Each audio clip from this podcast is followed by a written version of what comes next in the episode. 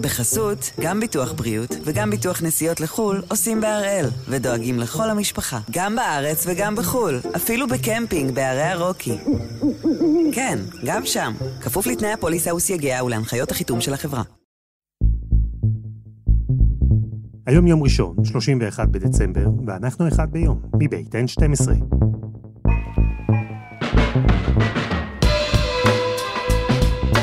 אני אלעד שמחיוף, ואנחנו כאן כדי להבין טוב יותר מה קורה סביבנו, סיפור אחד ביום, בכל יום.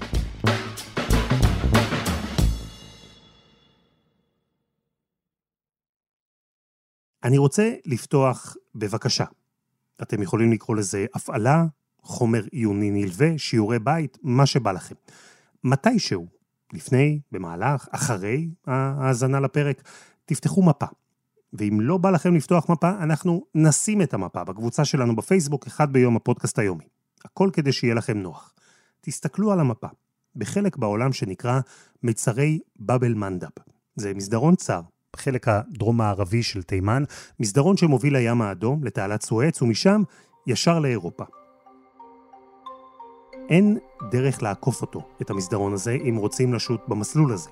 ולראות אותו בעיניים, במפה, זה כבר מספר חלק גדול בסיפור שקורה עכשיו. זה כבר מסביר איך יכולה קבוצה, כמו החות'ים של תימן, ששולטים על מיצרי באבל מנדב, לאיים על הכלכלה העולמית. למה דווקא מול האיום הזה התגבשה עכשיו קואליציה בינלאומית? ולמה דווקא זו, מכל הזירות שאנחנו רואים עכשיו, למה דווקא זו הזירה שעלולה לשנות את יחסי הכוחות הרבה מעבר למזרח התיכון? אז ביום ה-86 למלחמת אוקטובר 23, אנחנו עם מה שקורה בבאבל מנדב.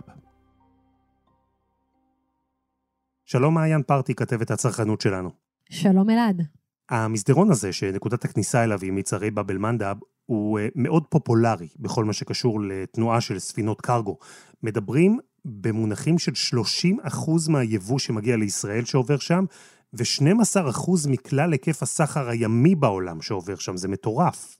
והסיבה היא פשוטה, בשביל לקצר זמנים, בשביל שכל אונייה לא תעשה סיבוב של 40-50 ימים בים, היא צריכה לעבור דרך תעלת סואץ ודרך הים האדום, וזה פשוט מקצר את הדרך בערך ב-25 ימים. אז תחשוב, אם אנחנו יכולים להביא לכאן סחורה בפחות זמן, מה יותר טוב מזה? כי זמן, וזה תמיד נכון, אבל כאן כנראה במיוחד, זמן שווה כסף. וכשיש מסלול אחד שעובר דרך כל אפריקה, עוקף את היבשת כדי להגיע מאסיה לאירופה, וכשיש מסלול שני שמאפשר פשוט קיצור דרך באמצע, אז הקיצור הזה משמעותו חיסכון של המון כסף למי שמוביל את הסחורה. נכון. אז קודם כל, בראש ובראשונה, דלק. כשאתה צריך לעשות שיט של במקום 20 ימים, 50 ימים, אתה משלם על הרבה מאוד דלק. זה דבר אחד. דבר שני, כוח אדם. כל איש צוות, ויש הרבה מאוד אנשים שנמצאים על האונייה, צריכים להיות מתוגמלים כספית על הסיבוב הזה שהם עושים. בסוף זה עשרות ימים שהם לא פוגשים את בני המשפחה שלהם, שהם לא מגיעים הביתה. הדבר הזה חייב להיות מתורגם בשכר. והדבר השלישי, חברות ביטוח שמבינות אגב גם את הסיכונים וגם את כמות הימים, מעלות את המחירים למחירים אסטרונומיים, ובסוף מי צריך לשלם על כל זה? היבואנים שמבקשים את אותן מכולות, ולמי הם מגלגלים את זה? אלינו הצרכנים. אז לא רק אנחנו, גם החות'ים יודעים את זה כמובן, הם שולטים על המיצרים האלה שדרכם עוברת סחורה לכל העולם, גם לישראל. וכשהסיבה הרשמית שהם הציגו היא סולידריות עם הפלסטינים ומאבק בישראל, החות'ים התחילו לתקוף ספינות שעברו שם דרך המיצרים. המון ספינות, וכל הדבר הזה מתחיל בעצם ב-19 בנובמבר. ספינת גלקסי לידר היא בבעלות של רמי יונגר הישראלי, והיא מובילה מכוניות מטורקיה להודו. כמובן שהחות'ים שומעים על זה שזו ספינה בבעלות ישראלית. אין הבטחה על הספינות האלה, כי אתה יודע, מדובר בספינות שהן בגובה של 15 מטרים, כלומר אומרים, אין דרך באמת לפרוץ לספינה. אז מה החות'ים עושים? יש סרטון מדהים, מדהים במרכאות כמובן, אבל שרואים איך הם פשוט מנחיתים מסוק על האונייה משתלטים על האונייה, מאיימים על אנשי הצוות בנשקים שלופים, ופשוט לוקחים את כל אנשי הצוות לנמל חודיידה. צריך להגיד, למזלנו לא היו ישראלים על הספינה הזו. הצוותים על האונייה היו מלאומים שונים, ולכן נתנו להם להמשיך לדרכם. אגב, אם היו ישראלים על האונייה, זה היה תסריט אחר לגמרי, היינו כבר באיזשהו סרט אחר לגמרי, אבל זה מה שהם עושים, ומאז זה כל כך פשוט, הם פשוט פוגעים בכל אונייה כמעט שעוברת, אנחנו מדברים על עשרות אוניות שמותקפות. והצעד הבא שראינו פארטי זה ששורה של חברות מהגדולות בעולם בתחום תעבורה ימית והעברת סחורות בים, הודיעו שהן יפסיקו להשתמש בקיצור הדרך הזה במסדרון של מצרי באב אל-מנדב, אבל אני חייב שתסבירי לי משהו, כי החות'ים הם הרי איימו לפגוע רק בספינות עם זיקה ישראלית. למה שהאיום הזה ישתק את המעבר של כלל הספינות שם? תראה, מדינת ישראל היא לא מדינה כל כך גדולה שמזמינה כמויות כל כך גדולות של מכולות. היום על כל אונייה יש לך לצורך העניין מכולה אחת שאמורה להגיע לישראל, מכולה אחת שאמורה להגיע לבריטניה, מכולה אחת שאמורה להגיע לצרפת, מכולה אחת שאמורה להגיע בכלל לאיטליה. והאונייה הזאת באה בעצם ועושה כמו קו אוטובוס, מורידה מכולה בישראל, ואז ממשיכה לאיטליה, ומשם לצרפת, ולעוד ולעוד אה, מדינות. ורוב האוניות מחזיקות גם מכולות לישראל. ואז מהפחד שהן יותקפו, הן פשוט אומרות, אנחנו לא נעבור יותר בים האדום, חלק מהחברות אומרות, אנחנו נעשה את כל העיקוף של אפריקה כדי להגיע בסוף לישראל, דרך מיצר גיברלטר.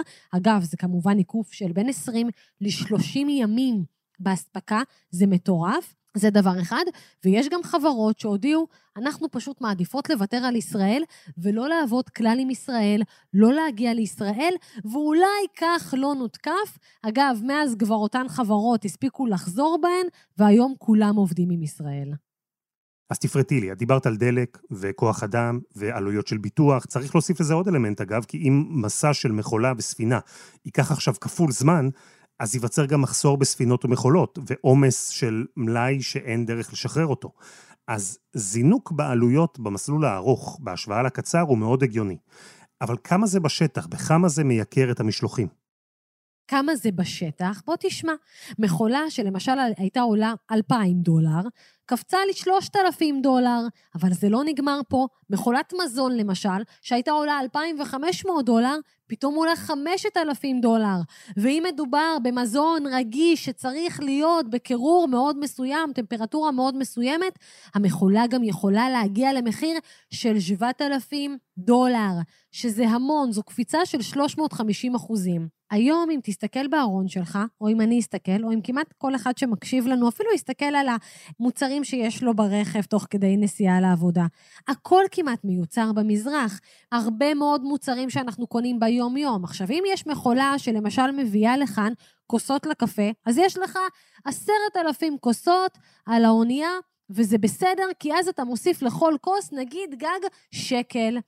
אבל אם יש לך מכולה שאתה מכניס לתוכה מקררים, ובמכולה נכנסים רק עשרה מקררים. אז פתאום האלפיים דולר תוספת האלו, כשאתה מחלק את זה בעשרה מקררים, אתה כבר מבין שאתה הולך לשלם כמעט אלף שקל יותר על כל מקרר. העניין הוא שלפי מה שאת מתארת, זה לא באמת סיפור ישראלי. החות'ים משתמשים בישראל כסוג של תירוץ, אבל בטח במציאות שבה על ספינה אחת יש מכולות עבור כמה מדינות שונות, אז המקרר שלך יתייקר, בגלל הנתיב הארוך יותר, והמקרר שלי יתייקר, והמקרר של מישהו אה, בדנמרק יתייקר. נכון, הרי אם זה היה קשור רק לישראלים, אנחנו לא היינו רואים קואליציית מדינות שמתגבשת ופתאום כל מדינה שולחת לכאן את חיל הים שלה כדי להגן על ספינות. הרבה מאוד יבואנים ברחבי העולם פנו כמובן לממשלות השונות ואמרו, אנחנו לא מקבלים סחורה, אנחנו נמצאים בבעיה. לא רק אנחנו הרי קונים מהמזרח, בהרבה מאוד מדינות קונים מהמזרח, כי זה הרבה יותר זול לייצר שם ולייבא לאותן מדינות.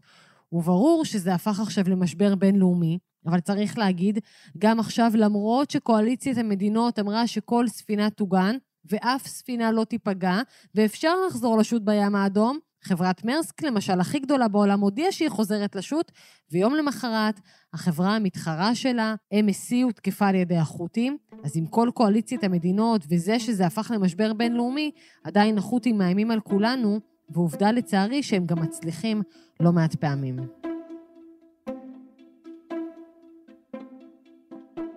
תראו, עם כל הכבוד למחירי המקררים של איזה האנס מדנמרק או איזה שמחה יוף מלונדון, זה לא הסיפור. לא על זה מקימים קואליציה בינלאומית, לא על זה שולחים נוסעות מטוסים, ספינות קרב וצוללות למפרץ עדן, לא על זה מסתכנים במלחמה כוללת.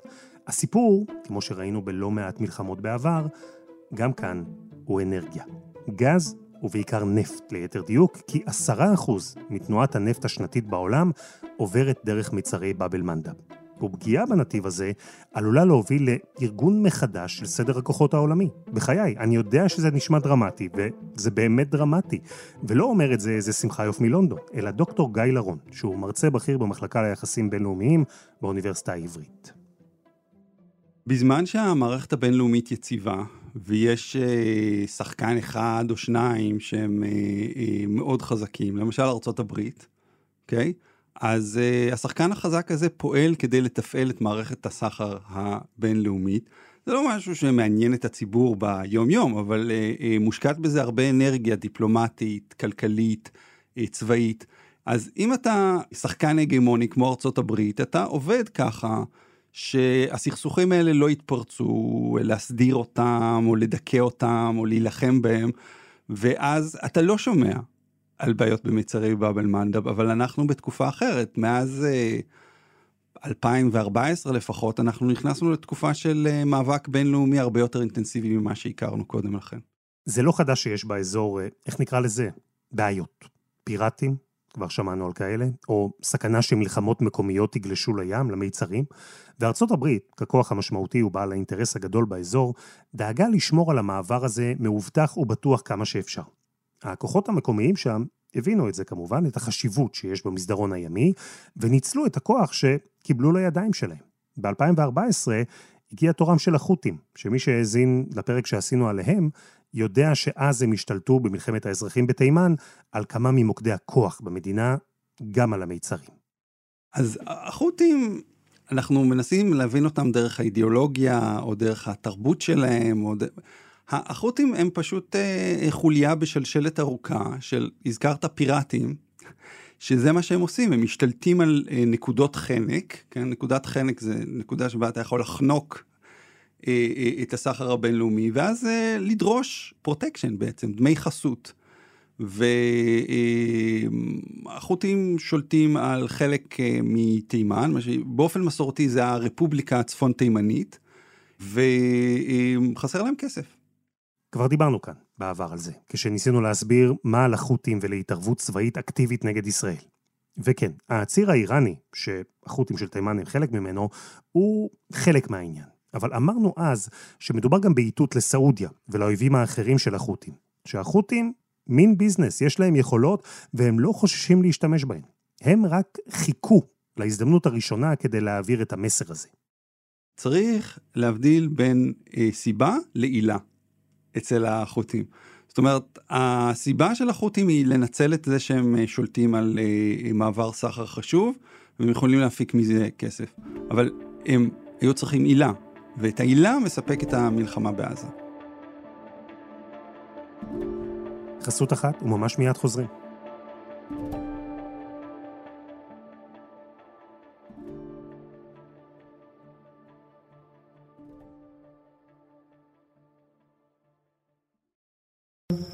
בחסות, גם ביטוח בריאות וגם ביטוח נסיעות לחו"ל עושים בהראל, ודואגים לכל המשפחה, גם בארץ וגם בחו"ל, אפילו בקמפינג בערי הרוקי. כן, גם שם, כפוף לתנאי הפוליסה וסייגיה ולהנחיות החיתום של החברה. אנחנו עם מה שקורה במצרי באב אל-מנדה, בחות'ים שיגרו כבר טילים, מל"טים מתאבדים, אפילו כוח קומנדו מוסק, והכריזו על עוצר ימי לכל ספינה שלטענתם יש קשר לישראל. ראינו לא פעם, אגב, שהקשר הוא רופף, אם בכלל. בתגובה, הוקמה קואליציה בינלאומית, בעיקר של ארצות הברית, בריטניה וצרפת, אבל חברות בה גם איטליה, הולנד, נורבגיה, ספרד, בחריין, אפילו איי סיישל. הכל קורה על רצועה לא גדולה, בלב ים, שבה נקבע עכשיו לא מעט מהאופן שבו העולם מתנהל. ואם דיברנו על נפט ועל אנרגיה וכמויות אדירות שמועברות דרך מצרי באב אל-מנדב, נעשה לרגע זום אאוט וגם נחזור מעט אחורה, כדי להבין את התמונה הגדולה אפילו יותר. מסוף מלחמת העולם השנייה, זה אחת השאלות המפתח, גם במלחמה הקרה, גם בפוליטיקה האירופאית, על איזה ספק אנרגיה אירופה תסתמך. אירופה, אה, כמו שהכלכלה שלה בנויה, היא יכולה לשתות, כן, במרכאות, גז ונפט, משני מקורות עיקריים. אחד, נקרא לו, זה הצינור המזרחי, שזה רוסיה, והיא מסורתית ספקית אנרגיה של אירופה, חוזר למאה ה-19, אוקיי? Okay? ואחרי מלחמת העולם השנייה עולה ספק אה, חדש, נקרא לזה הצינור הדרומי. זה המפרץ הפרסי. אז אפשר לקחת גז ונפט מהצינור הדרומי, אפשר לקחת גז ונפט מהצינור המזרחי, ואירופה בעצם בנתה את שתי האופציות בעשורים האחרונים, כדי שהיא לא תהיה תלויה לגמרי באחד מהם. אבל עכשיו היא במידה רבה תלויה באחד מהם. יש כבר מלחמה אחת שהשפיעה על מעבר של נפט וגז לאירופה, המלחמה של רוסיה באוקראינה כמובן. המלחמה שצמצמה מאוד את התלות האירופית באנרגיה רוסית, ומן הצד השני, כי אין מה לעשות, האירופים צריכים איכשהו להתחמם בחורף, אז מן הצד השני, היא הגדילה את התלות של אירופה לאנרגיה ממקורות אחרים. מאיפה אירופה מקבלת אה, גז ונפט כרגע? אז הרבה מארצות הברית. המלחמה באוקראינה הופכת את אה, ארצות הברית ליצואנית הגז והנפט, כן, ביחד הגדולה בעולם. ויש את נורבגיה שיש לה אה, אה, עתודות של נפט וגז, אבל מיד אחר כך מגיע המפרץ הפרסי. המפרץ הפרסי, הנפט מהמפרץ הפרסי, הוא מגיע לאירופה דרך באבל מנדה, דרך הים האדום, תעלת סואץ ועד לבתים של האירופים. הוא מצב שבו המסלול הזה חסום, ולמעשה הנפט הערבי חסום. זה כבר אירוע עם השלכות גיאופוליטיות אדירות. ואם זה יקרה... אתה יכול לנחש שלגרמניה ולצרפת ולמנהיגים של האיחוד האירופאי, הייתה מתחילה להיות מוטיבציה מאוד חזקה ללכת לפוטין, להשתחוות ולהגיד, בוא, אנחנו הולכים להיכנע. אין לנו ברירה אחרת. אז אה, מכיוון שארצות הברית לא רוצה את זה, והיא רוצה שאירופה כן תוכל לספק את אה, צורכי האנרגיה שלה אה, מהמפרץ הפרסי, היא מנסה לדאוג לזה שהמלחמה בעזה לא תדליק את המזרח התיכון. זה מטרת העל. אז המטרה של הקואליציה הזאת זה גם לתת ליווי לספינות שעוברות שם, גם לתת מטריה אווירית כדי למנוע את מה ש... כן, את התקרית שבעצם התחילה את כל המשבר הזה. וככה אה, להכיל את המצב, זה הרעיון המארגן. יפה. אז ארצות הברית שומרת כאן, בהגנה על מיצרי באבל מנדב, על אירופה שצריכה נפט, על המפרציות המתונות שמספקות לאירופה את הנפט הזה, היא שומרת מפני התחזקות של פוטין, אז אפשר לומר שהיא גם שומרת על אוקראינה, וכן, היא שומרת על ישראל, שכמו שאנחנו יודעים, נמצאת במצב מלחמה מול החות'ים. אבל לא ממש, אנחנו חלק די שולי בעניין כשמבינים את הסיפור הגדול. כן, כן, זה לא... והאמריקאים אמרו לנו גם לא להתערב. יש אה, חלוקה אה, לא רשמית של תחומי האחריות הצבאית במזרח התיכון, בינינו לבין האמריקאים. ומבחינת האמריקאים, המפרץ הפרסי שלהם, אוקיי? אה, אם תחשוב על זה, הסכמי אברהם היו איזשהו דרך לערב את ישראל ולהפוך את זה לפרטנרית צבאית של...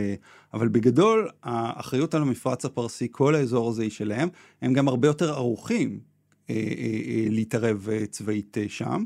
ישראל היא אחראית למה שאפשר לקרוא לו אזור הטרנזיט, האזור שדרכו הנפט והגז זורמים לאירופה. אז אה, אה, כן, טרנזיט מלשון transition.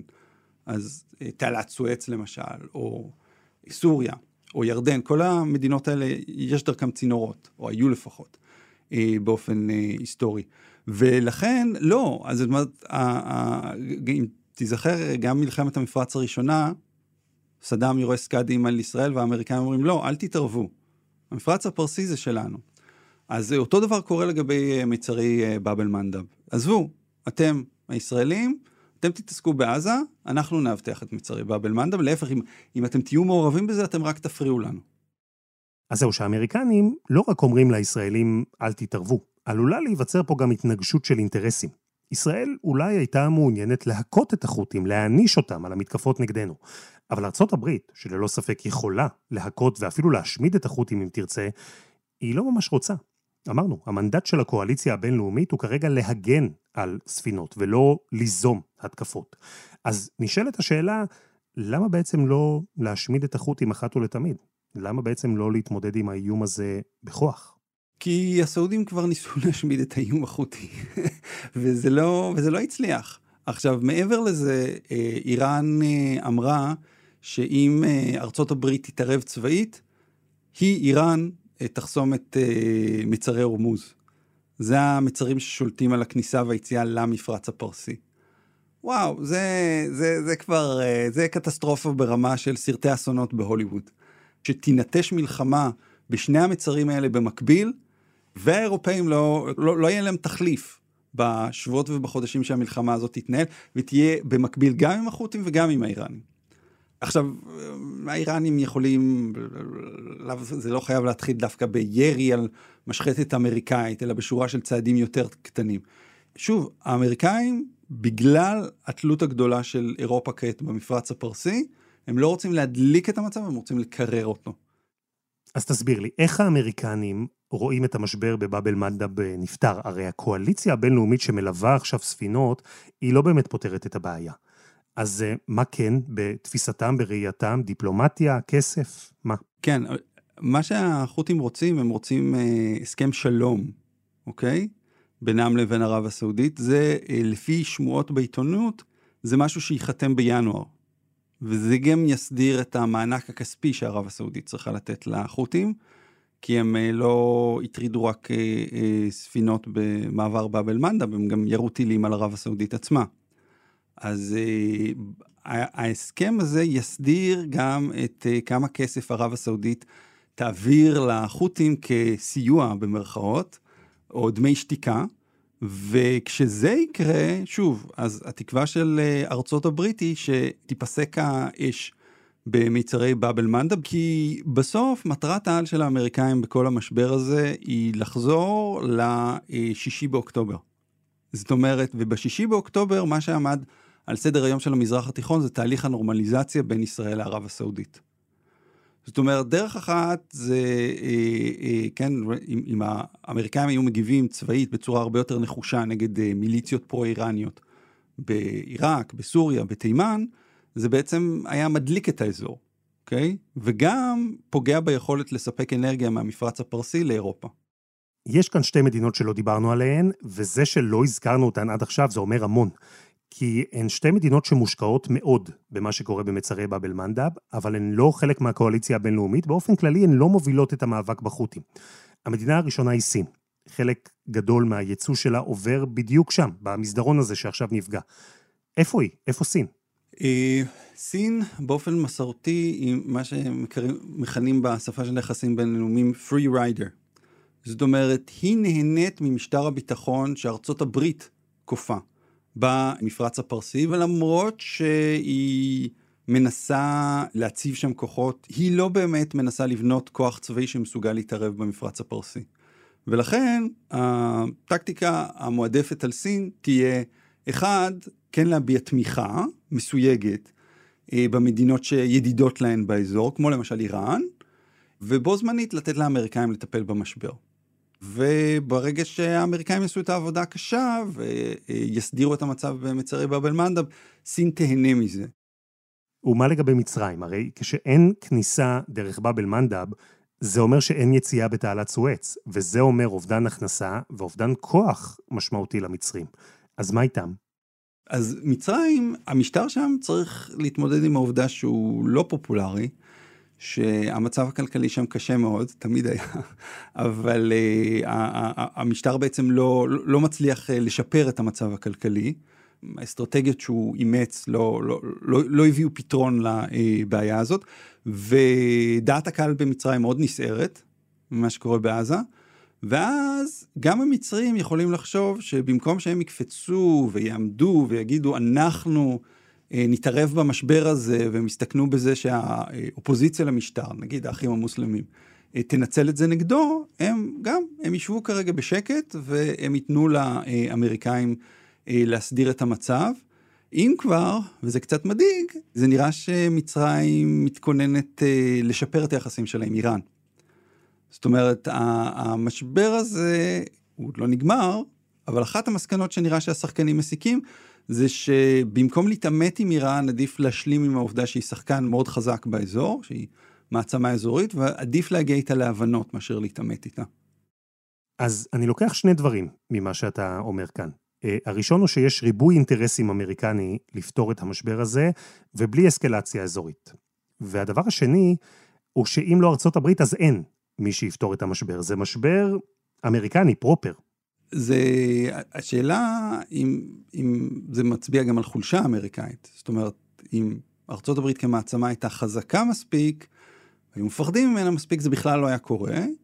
אה, או שמראש היו לה מספיק אה, כוחות באזור כדי להוציא מהראש של כל שחקן את הרעיון של אה, לעשות מה שהחות'ים עושים.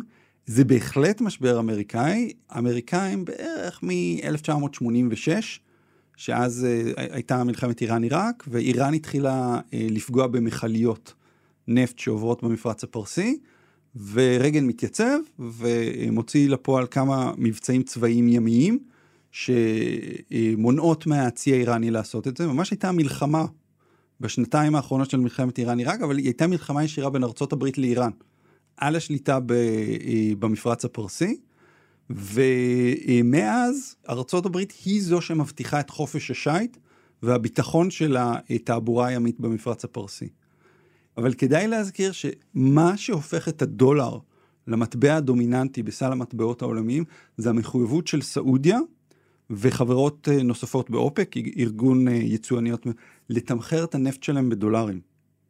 בגלל זה יש את הנס הזה שלא משנה כמה גדל הגירעון החיצוני של ארצות הברית, היא תמיד יכולה להדפיס עוד דולרים, כי כל מדינה בעולם צריכה דולר בשביל לקנות נפט. זאת אומרת, הדולר is as good as oil. הוא גם שטר, כן, שטר אה, חוב, אבל הוא גם סחורה בפני עצמה. אין לך דולרים, לא תוכל לקנות, או יהיה לך יותר קשה לקנות אה, נפט בשוק החופשי. עכשיו, אם ארצות הברית לא יכולה להבטיח את התעבורה הימית במפרץ הפרסי, בים האדום, אז uh, חברות אופק יתחילו לשאול שאלות לגבי המחויבות שלהם לדולר. ולכן, כן, זה אינטרס עליון אמריקאי שהם יצליחו להסדיר את המשבר. דוקטור גיא לרון, תודה רבה. תודה רבה לך. ותודה למעיין פרטי. וזה היה אחד ביום של N12. אנחנו מחכים לכם בקבוצה שלנו בפייסבוק, פשוט חפשו אחד ביום, הפודקאסט היומי. העורך שלנו הוא רום אטיק, תחקיר והפקה, שירה הראל, דני נודלמן, רוני ארני ועדי חצרוני. על הסאונד, ספיר רוזנבלט. יאיר בשן יצר את מוזיקת הפתיחה שלנו. אני אלעד שמחיוף, אנחנו נהיה כאן גם מחר.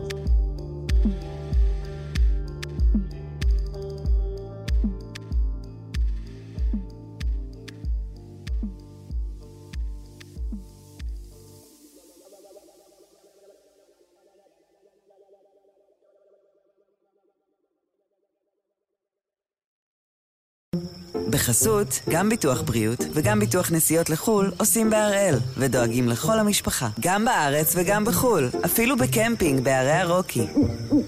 כן, גם שם, כפוף לתנאי הפוליסה וסייגיה ולהנחיות החיתום של החברה.